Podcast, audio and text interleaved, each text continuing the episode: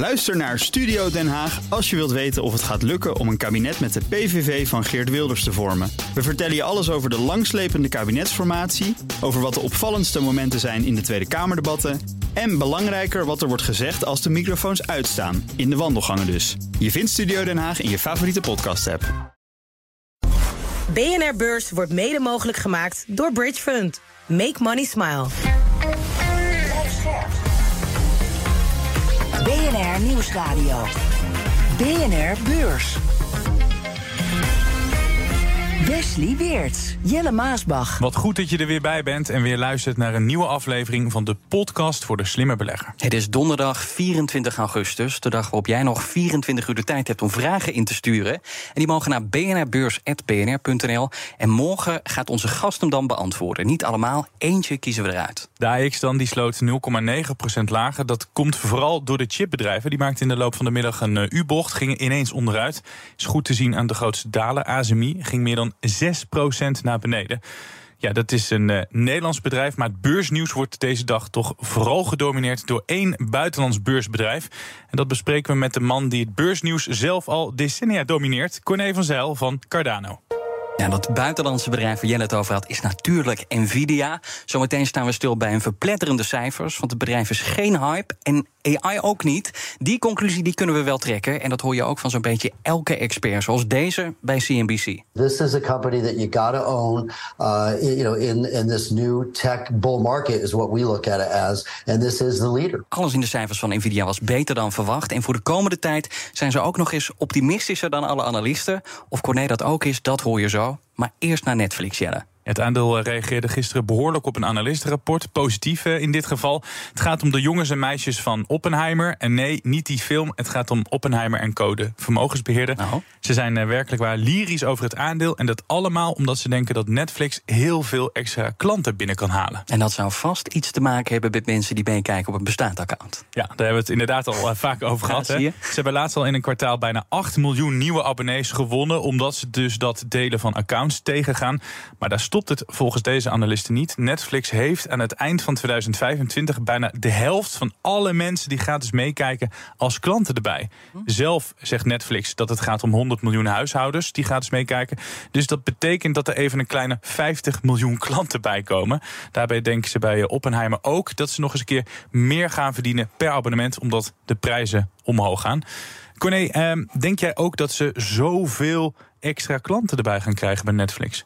Het lijkt me een uitermate opportunistische eh, cijfer en verwachting. Maar dat zie je wel vaker bij analisten natuurlijk. En je moet wat bijzonders zeggen om er eh, een beetje boven het maaiveld uit te gaan. En dit is zeker boven het maaiveld uit.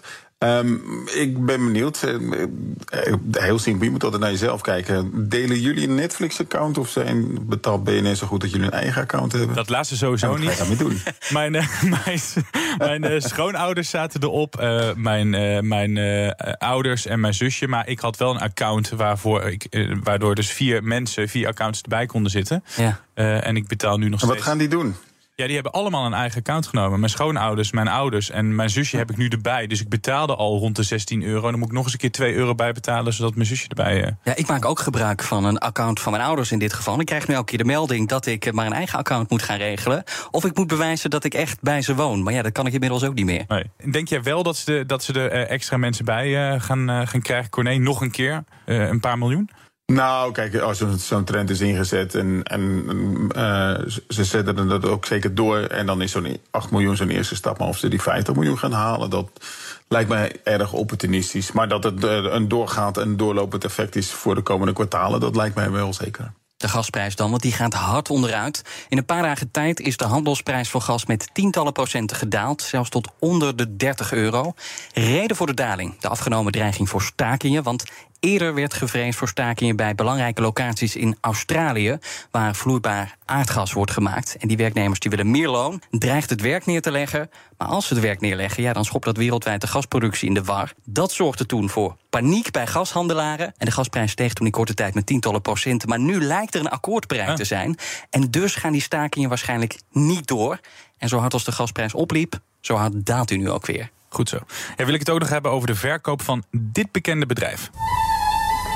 Try Subway. Fresh baked bread, fresh meats, fresh veggies, and plenty of 6 inch subs with just 6 grams of fat or less. Subway. Big on taste, not on fat.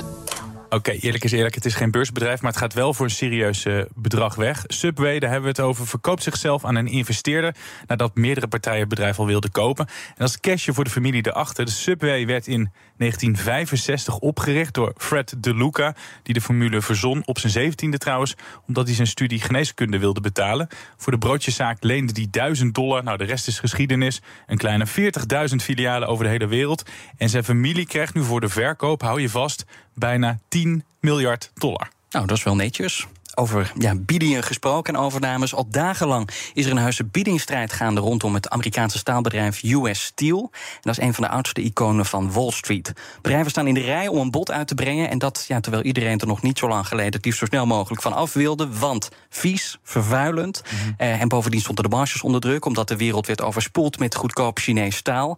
Maar plots is staal weer helemaal hot op de beurs. En hoe kan dat? Nou, heeft het meerdere oorzaken. We hebben staal nodig om bijvoorbeeld al die windmolens te bouwen. Daar is heel veel staal voor nodig, de energietransitie dus. Het probleem van goedkoop Chinees staal is minder groot geworden. En staalbedrijven zijn bovendien relatief goedkoop, juist omdat ze jarenlang zijn genegeerd door beleggers. En dus waren er verschillende geïnteresseerden in US Steel. Maar één van hen haakt nu af, en dat is Esmark. Dat trekt zijn bod van 10 miljard dollar in. En dat gebeurt na druk van de vakbond. Want die vakbond die ziet liever dat een andere concurrent US Steel koopt. Belangenverstrengeling, een strijd om de beursnotering en als klap op de vuurpijl de top die opstapte. We gaan het zo hebben over BNS Group en waarom Corné denkt dat een beursexit dichtbij is. Wat analisten en beleggers niet voor mogelijk hadden gehouden, is toch gebeurd. Nvidia verplettert de torenhoge verwachtingen. En de kwartaalcijfers zijn echt bizar. There's a sweet spot Nvidia is sitting in right now. One, the demand for its AI-related chips. And the second, the fact there's a bit of supply tightness as well, which is giving Nvidia massive pricing power on top of that as well, commanding a margin of over 70% in the quarter. Recordomzet van 13,5 miljard dollar. Een groei van 101 procent. Veel meer dan waarop was gerekend. Ook de winst steeg explosief. Die is bijna 10 keer zo hoog als in dezelfde periode vorig jaar. En dan de verwachtingen. Voor het lopende kwartaal voorspelt Nvidia een omzet die nog een stuk hoger ligt. Volgens de CEO is een nieuw computertijdperk aangebroken. Nvidia is nu zo'n beetje eh, de enige grote speler op het gebied van AI-chips. Ja, waar blijft de concurrentie, eh, Corné, als je dit alles zo hoort? Ja, uh, nou die blijft ver achter, dat is nogal duidelijk. Kijk, Nvidia is met hun speciale soort chips, met name voor die gaming-industrie, waar je dus die grote capaciteit hebt, al tien jaar geleden mee begonnen. Dus als jij al ja, tien jaar geleden bent begonnen om dit sprintje in te zetten, dan ja, is het bijna niet meer in te halen. Dus over tien jaar zullen, zal de concurrentie uh, misschien hierbij zijn. Eventjes uh, zwart-wit gezegd natuurlijk. Mm -hmm. maar je ziet dat de concurrentie wel heel duidelijk deze potentie ziet... en daar massaal op in zal zetten. Dus, dus de, er zal best concurrentie komen, maar iedereen heeft het erover. Maar ja, je hebt niet zomaar wat ontwikkeld... en je hebt niet zomaar eventjes een, een chipmachinefabriek neergezet. Dus, of een chipfabriek neergezet... Um, maar je hoort alle concurrentie erover praten dat ze dat allemaal willen en dat ze er ook helemaal voor gaan. Ik zag uh, de, opmerking van Softbank, uh, meneer Son, die zei van ja, wij gaan er ook voor. We hebben al 500 AI-gerelateerde bedrijven in onze portefeuille zitten. Als je dat soort geluiden hoort, dan weet je dat je heel, heel erg sceptisch moet zijn. Ja, je had het net mooi over een sprintje dat ze hebben ingezet. Ze zijn nu een soort van monopolist. Hoe hebben ze dat uh, voor elkaar gekregen? Ja, omdat ze altijd gefocust waren op een beperkt aantal chips. Ze hebben niet alles proberen te doen, zoals Intel uh, wel breder heeft gedaan. En dan ook nog eens in groeisegmenten. Kijk, bij, bij Intel die heeft bijvoorbeeld heel erg sterk ingezet op computerchips. Ja, dat is op een gegeven moment. Ja, is daar de groei van beperkt. En uh, Nvidia is wel, ja, met name bij de gaming natuurlijk, maar ook bij automotive uh, dat was trouwens, ik hoorde je net zeggen dat alles meeviel. Als je gaat kijken, automotive was een van de kleinere sectoren tegenwoordig ook. Maar daar viel het nog wel een beetje tegen. Maar dat was dan ook het enige hele, hele kleine smetje op het totaal. Want voor de rest is het inderdaad, zoals je zei, briljant. Ja, en beleggers focussen natuurlijk vooral op AI. Jij noemde net Intel al. Dat was jaren geleden. Ja, ze is nog steeds een grote speler. Maar Intel heeft het wel een beetje laten versloffen. Hè. Ze zijn een beetje in slaap gesukkeld. Uh, Nvidia is nu uh, op het gebied van AI... wat Intel jaren geleden in die computerbusiness was. Heel erg groot, monopolist. Hoe groot is het gevaar dat Nvidia nu ook in slaap sukkelt? Juist vanwege die grote voorsprong. Nou, voorlopig moeten ze zo hard rennen om de vraag bij te houden dat er weinig kans is dat ze in slaap sukkelen. het gaat heel erg hard en de klanten vragen van alles. Dus ik denk dat ze, dat ze echt ook heel hard lopen. Uh, ja, het leuke aan zo'n hype is dat ook alle klanten het willen. Als je ja, alle klanten willen met die hype meedoen. En dan moet je dus bij Nvidia, want die heeft de beste chips daarvoor.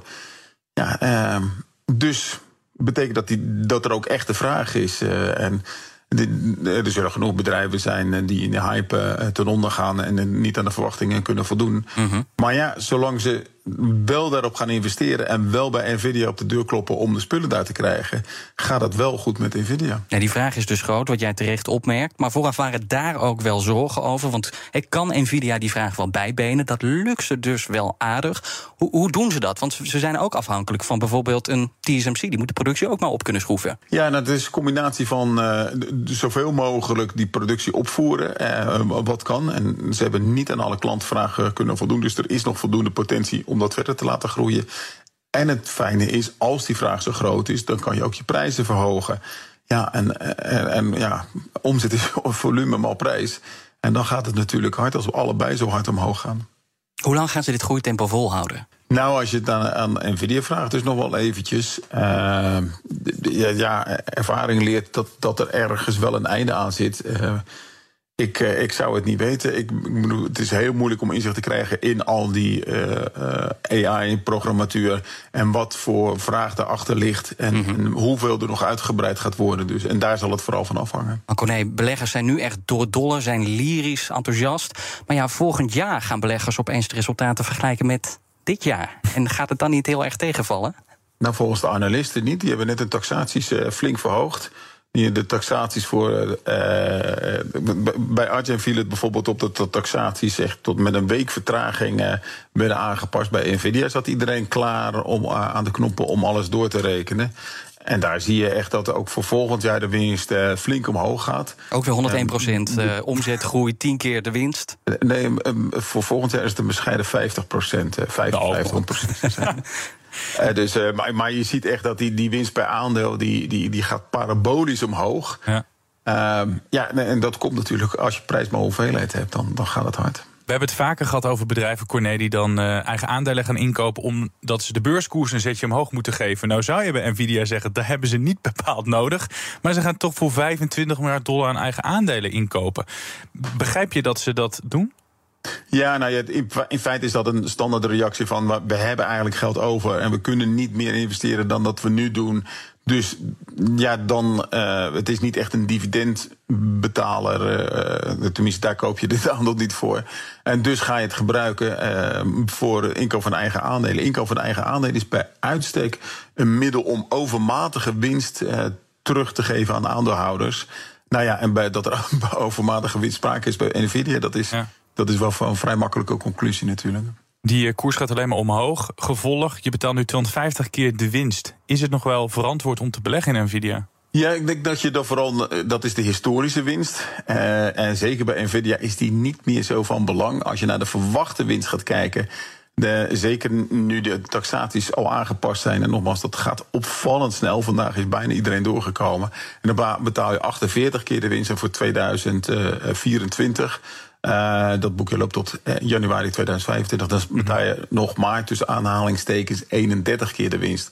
En dat is voor zover nog steeds heel erg stevig. Zeker omdat die taxaties al zo ver omhoog gegaan zijn. Ja. Maar dan valt het wel mee als je het vergelijkt met die cijfers op basis van historische winsten. Ja, ze staan natuurlijk uh, op afstand van de rest. Maar stel je vindt het toch te duur, maar je denkt wel, AI is wel bewezen dat het geen hype is. Als je wil meeleven op dat AI-succes, zijn er dan betaalbare andere aandelen dan Nvidia die je zou kunnen kopen? Nou ja, ik, ik heb net al Softbank genoemd, maar dat sprookje, daar zou ik niet al te veel in geloven.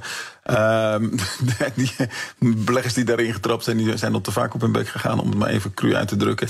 ik heb eventjes gekeken wat voor soort AI-fondsen er in al die beleggingsfondsen zitten. En wat dan opvalt, daar zit allemaal Nvidia in natuurlijk.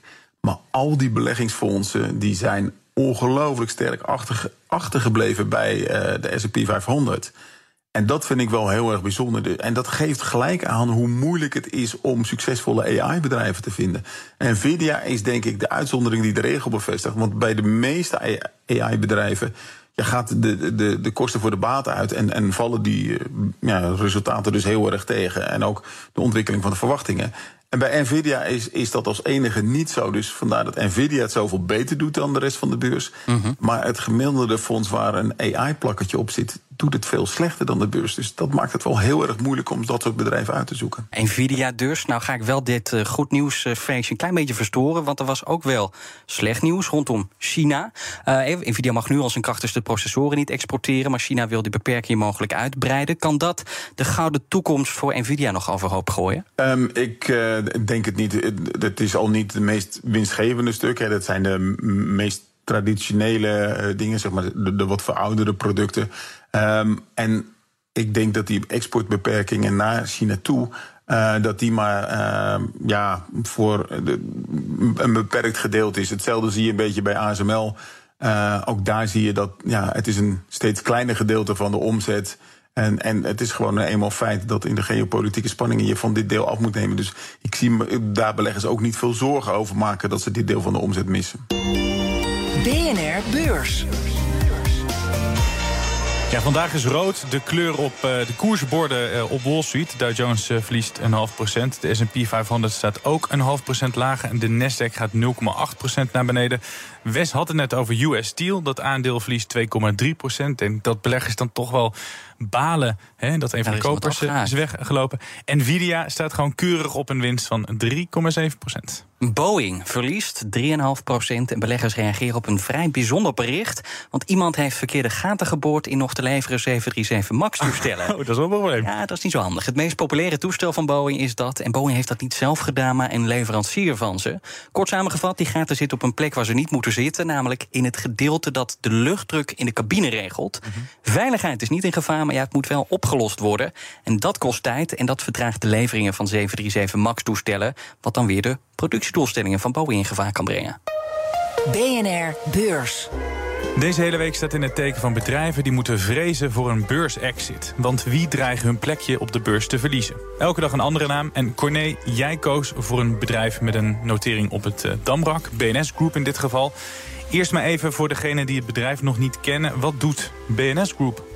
Ja, BNS Groep doet eigenlijk van alles. Uh, vooral handel in allerlei luxewaren. In, uh, bijvoorbeeld tijdens de Irak-oorlog leverden ze aan het Iraanse leger. Ze mhm. leveren aan cruiseschepen. In een hele brede zin des woord. Ze zijn eigenlijk gewoon een, een, een simpel een, een handelaar van heel veel verschillende soorten spulletjes. En het is uh, ja, eigenlijk ook een, een, part-time soap geworden op de, op de beurs. Want het is uh, alles behalve rustig bij BNS, hè? dat kan je wel zeggen, ja. Dat is, het is nou ja, de, de track record qua corporate governance eh, was al niet zo uh, best. En het valt op dat iedere keer komt er weer een nieuw hoofdstuk naar buiten. Het laatste hoofdstuk ging weer over dat er allerlei leningen door de grote aandeelhouder aan het management verstrekt is. Um, en dat gaat over een paar miljoen. Um, ja, dat, dat, klopt gewoon niet. En dan zeggen ze ja, nee, maar dat heeft eigenlijk niks met de, zakelijk, uh, met, met, met, de zaak te maken. Mm. Ik denk, ja, hallo, als de grote eigenaar een verlening verstrekte aan de directeur kan je moeilijk ontkennen dat dat met de zaak te maken heeft. Maar goed, uh, dat is bijvoorbeeld een klein dingetje. Uh, in het verleden de, dat er allerlei personeel werd ingezet uh, van BNS-groep met handel in Iran. Um, en dat is ook vreemd, want die handel in Iran, daar deed BNS zelf niks mee, maar dat was weer van de grote aandeelhouder Blijdorp. En dat zijn allemaal dingetjes. En dan uh, op, als klap op de vuurpijl wilde de groot aandeelhouder, die nu 67% in handen heeft, het bedrijf uh, helemaal overnemen. En dat bod was dermate belachelijk laag dat de Raad van Commissarissen, en die waren nog wel onafhankelijk, daartegenin gingen ze: ja, dit, dit, kan je gewoon niet maken richting de, de overige aandeelhouders. En die zijn toen eruit gebonjourd met heel veel strijd en ophef. En ja, dat geeft ook weer aan ja, hoe slecht het is gesteld met de corporate governance daar. Dus dat zijn allemaal zaken die, die eigenlijk het daglicht nou, niet kunnen verdragen. Misschien is dat wat hard gezegd. Maar corporate governance is daar gewoon heel erg slecht. Dus eigenlijk heb je als derde aandeelhouder daar niks te zoeken. Heel simpelweg, meneer Blijdorf heeft twee derde van het bedrijf in handen. En ja, die bepaalt ook hoe het gaat. Die heeft nu allemaal wat, wat vriendelijke commissarissen neergezet. Dus het is eigenlijk wel logisch dat dit bedrijf eh, op termijn een keer van de beurs weer wordt afgehaald met een nieuw bod. Um, en dat zal waarschijnlijk ook weer belachelijk laag zijn. Dus het, er zal een kleine premie op zitten, na verwachting. Uh, als je het meest logische scenario gaat volgen. En uh, ja, dus ik denk niet dat beleggers daar ook weer blij mee hoeven te zijn. Nee. Op zich, als je naar alle data kijkt, uh, de winstontwikkeling valt tegen. Maar ja, het is ook niet zo'n duur aandeel meer. Maar goed, ik weet niet of beleggers daar blij van gaan worden. Nee, jij denkt dus dat het bedrijf zich kan opmaken voor een exit en dan dus vanwege een, een overnamebod. Wat heb je dan per saldo als belegger aan dit aandeel gehad? Heb je er nog iets aan gehad? Of was het nou, je hebt vooral veel geld verloren, denk drama? ik. ja, ik zat eventjes naar de beurswaarde te kijken bij de introductie. Die was 1,3 miljard en die is nu nog 300 miljoen. Nou ja, dat zegt wel hoe, ja. hoeveel uh, beleggers hebben verloren.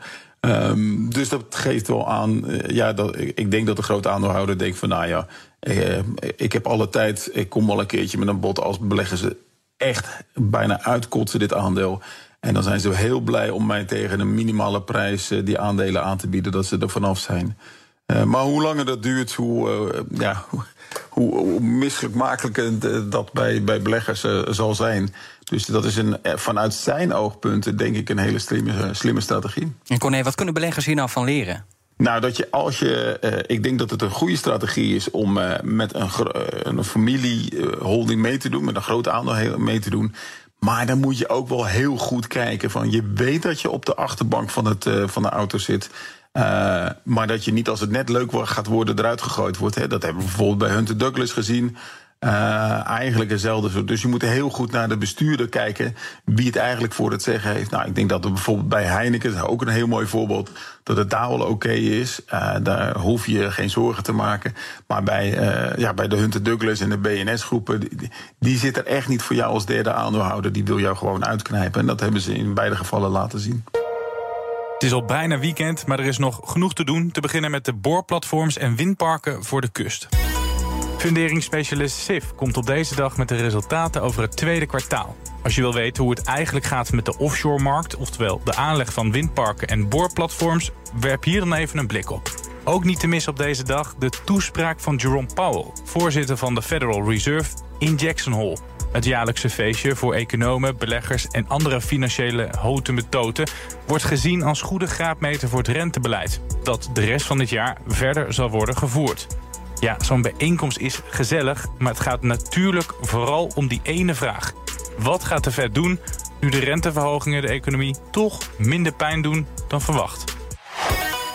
Ik gooi hem er nog maar een keer in. Morgen is het dus vrijdag, oh. dus beantwoorden we weer je vragen. Heb je een vraag, wees dan snel en stuur hem naar bnrbeurs.bnr.nl. En dan kan onze gasten morgen beantwoorden. Onze gast vandaag was Corné van Zel van Cardano. Fijn dat je er was, dank je wel. En jij bedankt voor het luisteren. Fijne avond en tot morgen. Tot morgen.